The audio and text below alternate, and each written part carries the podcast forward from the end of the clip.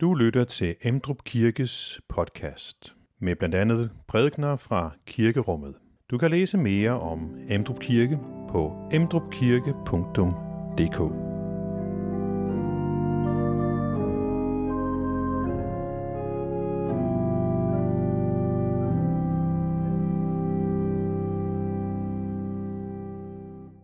Det er i dag 11. søndag efter Trinitatis.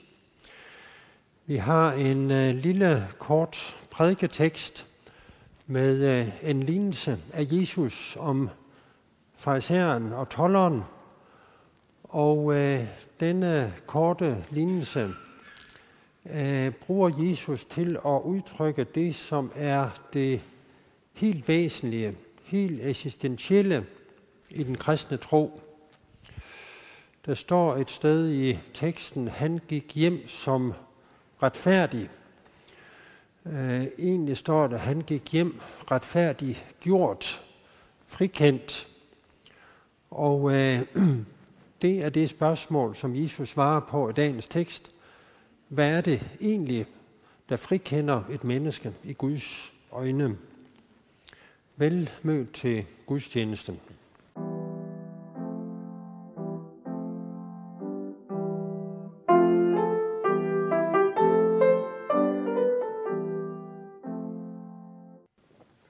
Dette hellige evangelium skriver evangelisten Lukas.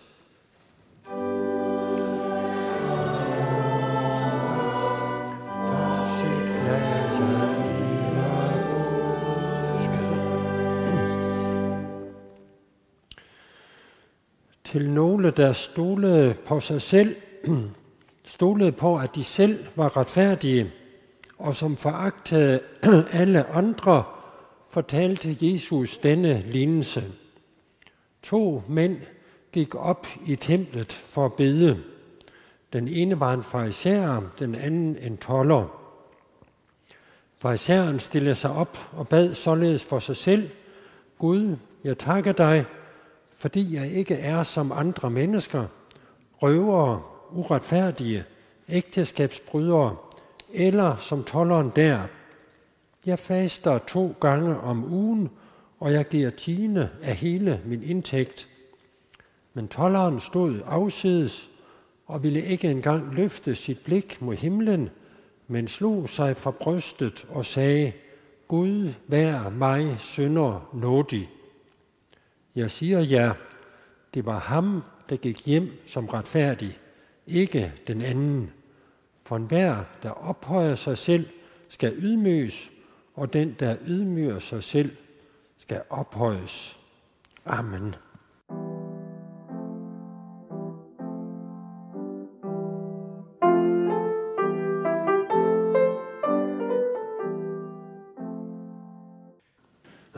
Lad os bede.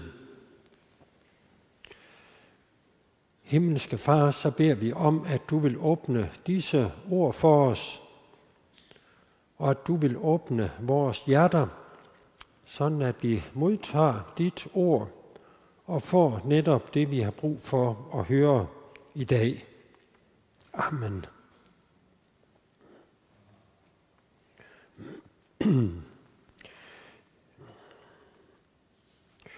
ja, øhm,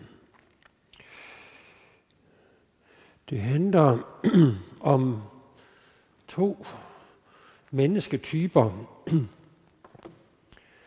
Lad os, lad os bare tage to kirkegængere her i Emdrup Kirke. Der var to mennesker, som mødte op en søndag formiddag kl. halv 11 her i Emdrup Kirke. Den ene, han var pæn i tøjet, og han var vant til at komme i kirke. Det har han gjort hele sit liv, og det betød, at han kunne synge med på de udmærkede salmer, der skulle synges. Han kunne rejse sig på de rigtige tidspunkter, og øh, da præsten holdt en tale, en udmærket tale om at leve et kristen liv hjem og menighed og arbejde og samfund, jeg siger ikke, om det var en af de faste præster, eller det var en af afløserne. han holdt en udmærket prædiken. Så tog han det til sig og sagde, det er jo sådan, jeg har det. Og dengang man kom til det punkt i kirkebønden, hvor enhver kunne bede sin egen bøn, så bad han en taknemmelig bøn til Gud, fordi han var ikke som hovedparten af Danmarks befolkning. Han var opdraget til at gå i kirke. Han var opdraget til at leve et kristent liv. Han levede en hverdag med Gud i, uh, i bøn, i lydighed, og han forsøgte at integrere den kristne tro i sin hverdag. Og dengang gudstjenesten var færdig, så øh, gav han en øh, fed skærv til kollekten. Jeg ved ikke, hvor realistisk den del af historien er, men øh, det gjorde han, og det gjorde han det, som han øh, plejede. Det var den ene type. den anden type, det var en hjemløs, som havde forvildet sig ind i kirken en søndag formiddag. Han øh, sad lidt for sig selv, og folk de øh, sad i en tilbørlig afstand fra ham. Der klæbede sig også en vis, øh, vis lugt til ham. Det kan man ikke se på sådan et billede her, men øh, det gjorde det altså. Han kunne ikke helt finde ud af at rejse sig på de rigtige steder, og øh, han øh, skælede lidt til de andre, og øh, han følte, at han var uden for det gode selskab. Og dengang han hørte på præstens prædiken, så øh, tænkte han ved sig selv, at øh, det her, det går jo aldrig med mig. Det så står skidt til mig. Og øh, så bad han en lille bøn. Gud, vil du godt tilgive mig hele min fortid. Og øh, dengang man kom til præludiet, så læste han ud, fordi han havde ikke frimodighed til at give sig det kende for nogle af de andre, og snakke med nogle af, af dem.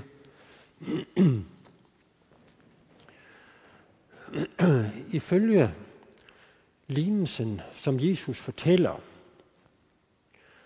så øh, kommer, der, kommer pointen efter selve lignelsen. Der var en af de to, det gik hjem som retfærdig. Oversættelsen er lidt upræcis. Der står egentlig, at der var en, der gik retfærdigt gjort hjem. Sådan øh, skrev man også i den gamle oversættelse. Og jeg er jo så gammel, jeg kan huske øh, 1948 oversættelsen. Og øh, ordet retfærdigt gjort, det er jo et kendt bibelsk ord, men det er sådan gået af mode i vores kultur, derfor bruger vi det ikke mere, heller ikke i bibeloversættelser. Men øh, pointen det er, at der var en, der gik hjem som frikendt i Guds dom, samtidig med, at der var gudstjeneste hjem og kirke så var der en domsafsigelse i den himmelske verden, og der var en, der blev frikendt. Og øh, så kommer overraskelsen for øh, de daværende tilhører. Måske ikke overraskelsen for os, for vi øh, kender jo teksten og har hørt den før. Det var tolleren, det var ham, der gik hjem, retfærdigt gjort, frikendt i Guds dom. I samme øjeblik, som han bad bønnen, Herre, tilgiv mig, så blev han frikendt i himlen. Så var der glæde hos Guds engle over en sønder, der vendte om.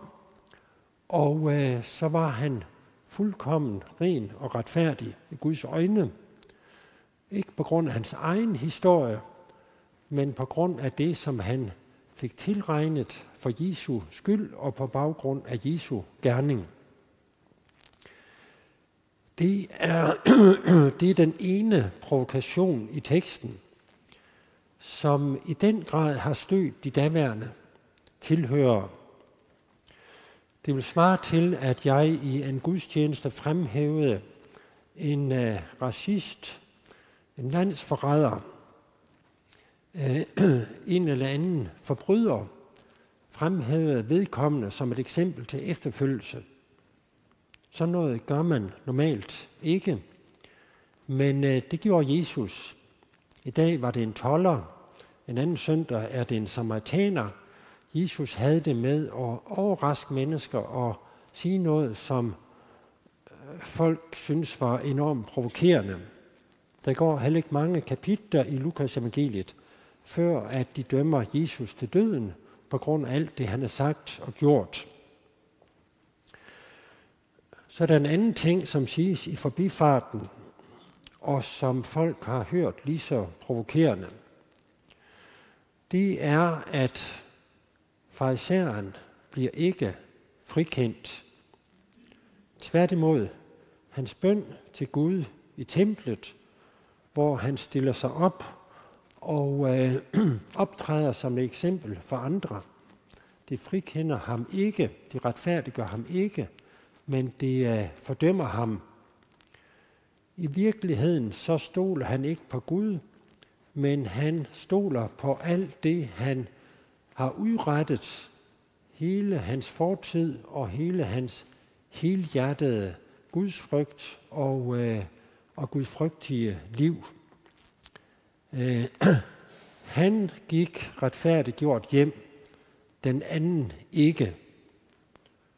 Så skarpt stiller Jesus det op, og så øh, provokerende er det. Det er det måske ikke øh, for os, fordi øh, vi kender, måske kender fra mange år øh, tilbage, så kender vi Jesu forkyndelse, og så kender vi også øh, lignelsen her. Øh, alligevel tror jeg, at farisæeren er en udfordring for os. Vi kan også let flytte vores tyngdepunkt i vores kristne liv fra det, som Jesus har gjort, og øh, fra tilliden til ham midt i vores hjælpeløshed, til alt det, som vi skal udrette eller har udrettet i vores kristne liv.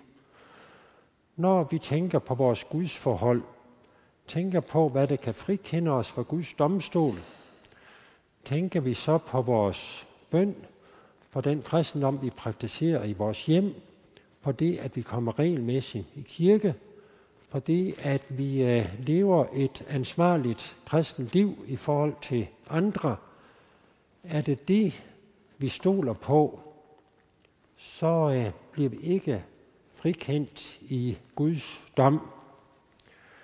Sådan som øh, Luther synger det i den gamle bodsalme, vi sang til indledning, at øh,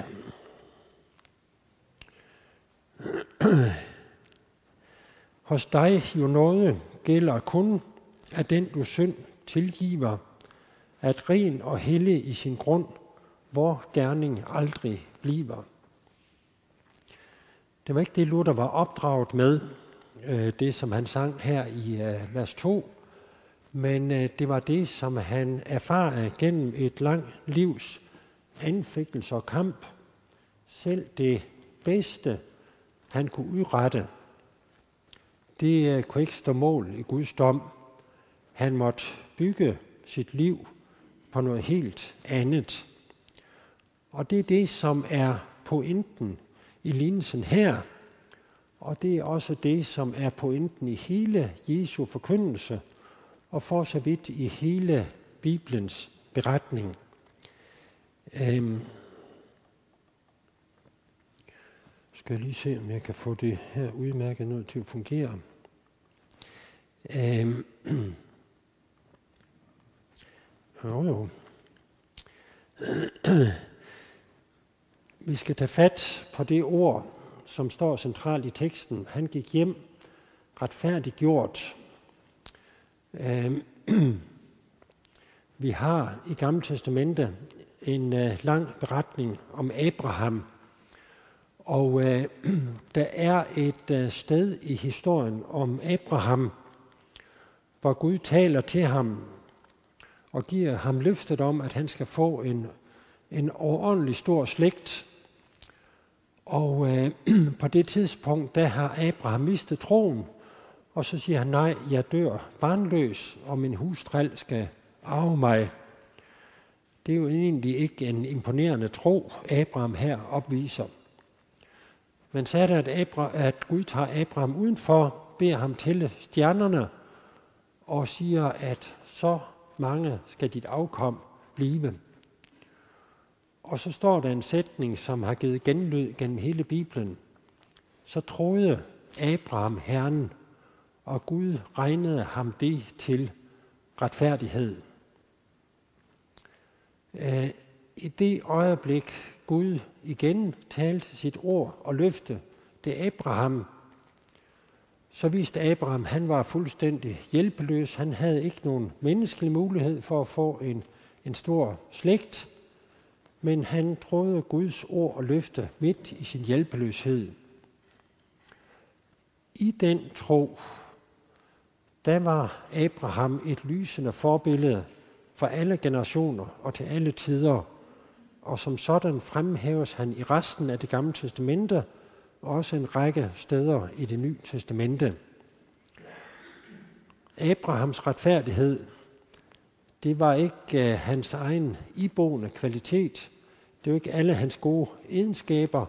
Hans retfærdighed, det var, at han i sin hjælpeløshed klyngede sig til Guds løfte, på trods af, at årene gik, og øh, det så ikke umiddelbart ud til, at løftet ville blive opfyldt. Øh, vi har et, et andet eksempel i Gamle Testamente, og øh, det er hos Esajas, hvor at øh, forfatteren siger, at øh, du klædte mig i retfærdighedsklæder, hyldede mig i retfærdighedskappe. Du klædte mig i retfærdighed og hyldede mig i retfærdighedskappe. Og jeg citerer den forkert. Du klædte mig i frelsens klæder og hyldede mig i retfærdighedskappe. Jeg kunne se Gamle Testamente læreren dernede, han rynkede brynene, så nu får jeg lige den rigtige version. Øhm, det er øh, et ord af Esajas, hvor han med et billede får sagt, at vores retfærdighed, vores renhed i Guds øjne, det er ikke vores iboende kvaliteter, men det er en klædning, Gud giver os, og som han iklæder os. Og netop det der med klædningen, retfærdigheden som en klædning, det er genbruger Paulus, når han taler om, øh, om øh, til de kristne menigheder, lige så vel som han genbruger ord til Abraham, at Gud regnede ham det til retfærdighed. Så er vi øh, kommet til Luthers salme, hvor Luther han siger, at ren og hellig i sin grund, hvor gerning aldrig bliver. Det var en tilkæmpet sandhed for Luther. Han brugte oceaner af år i sit liv på at blive ren og hellig i sit indre. Han kunne gå til skriftemålet, bekende sine sønder, og så på vej ned fra skriftemålet kom i tanker om, om nye ting, som havde fyldt hans indre, og så måtte han tilbage igen. Eller endnu værre, han kunne sidde ved selve skriftemålet, og så tænke ved sig selv, der er nu ingen, der er så grundig som mig med hensyn til at bekende sine sønder. Og så tænkte han, det er jo en, en ny synd. Selv når jeg er allerbedst og gør mig allermest ud, øh, udmærket, øh, udmærker mig allermest, så, så kan jeg kun lægge synd til synd. Og så var det, han skrev en række salmer, dengang han fik sin reformatoriske opdagelse, hvor at han skrev, at det betyder, at jeg må have en helt anden grundlag. Nu må jeg bygge på det, som er uden for mig selv. Det lærte, øh, det lærte Luther egentlig af Paulus. Og øh, det er jo det, som Paulus siger i den øh, tekst, Karin læste før, om øh, Jesu død og opstandelse. At han siger, at, at Jesus blev som den opstandende set af en række mennesker, og øh, siger, at sidst af alle, så blev han set af mig. Og øh, så tilføjer Paulus, at han var aldeles uværdig til at komme med i det fornemme selskab, der var øjenvidne til Jesu opstandelse. Men det skyldes Guds nåde, Guds ufortjente godhed. Af Guds nåde er jeg det, jeg er. Og øh, dermed siger Paulus, det er ikke den kvalitet, han har oparbejdet i løbet af hans kristne liv. Det er ikke alt det, han har gjort i Guds øjne, men det er Guds nåde alene, som er hans baggrund for hans retfærdighed i Guds øjne. Vi har et, vi har et andet eksempel på det. Det er i Filipperbrevet, kapitel 3. Der siger Paulus, at det, som han egentlig var vokset op med, fejserens tro, en række fordele, som knyttes til, at han var jøde, at han var, ret, at han var fejserer, at han havde levet lige fra barndommen og ungdommen af et ulasteligt liv, hvor han i det ydre havde gjort alt det, som loven krævede. Det, at han havde gjort det, det var en gang hans identitet. Det var det, han stolede på. Men det, som en gang var mig fordele, det har jeg for Jesus skyld lært at regne for tab. Da Paulus blev kristen, da han mødte den opstandende uden for Damaskus, så blev han klar over, at han blev aldrig retfærdig i Guds øjne. Han var nødt til at bygge på en andens retfærdighed, og derfor fik han helt nye værdier i sit liv. Derfor fik han en helt ny identitet midt i sin hjælpeløshed. Også hans hjælpeløs, hjælpeløshed i det kristne liv, der måtte han sætte sin lid til Jesu gerning alene. Det gode, som jeg vil, det gør jeg ikke. Det onde, som jeg ikke vil, det gør jeg. Det siger Paulus efter mange år som kristen, at ren og hellig i grunden, i dybden, bliver vores gode gerninger aldrig.